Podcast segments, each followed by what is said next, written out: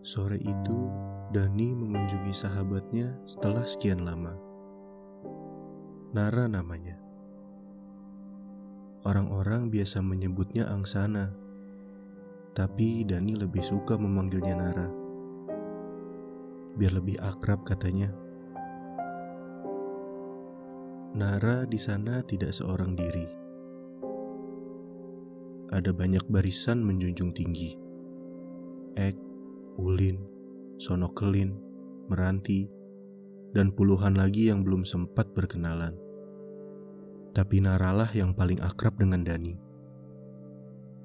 Nara sudah cukup uzur, entah puluhan atau ratusan tahun. Nara tak pernah menyebutkan.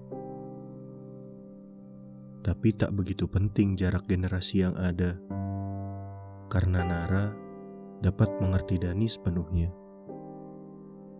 Setelah banyak pertemuan yang mereka lakukan, akhirnya Dani sudah memutuskan. Nara selalu mencegah perbuatan Dani. Karena Nara tahu ia tak mampu menghentikan, kecuali mengubah pikiran.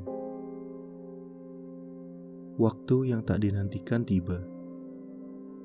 Nara berusaha keras merapuhkan lengan-lengan uzurnya.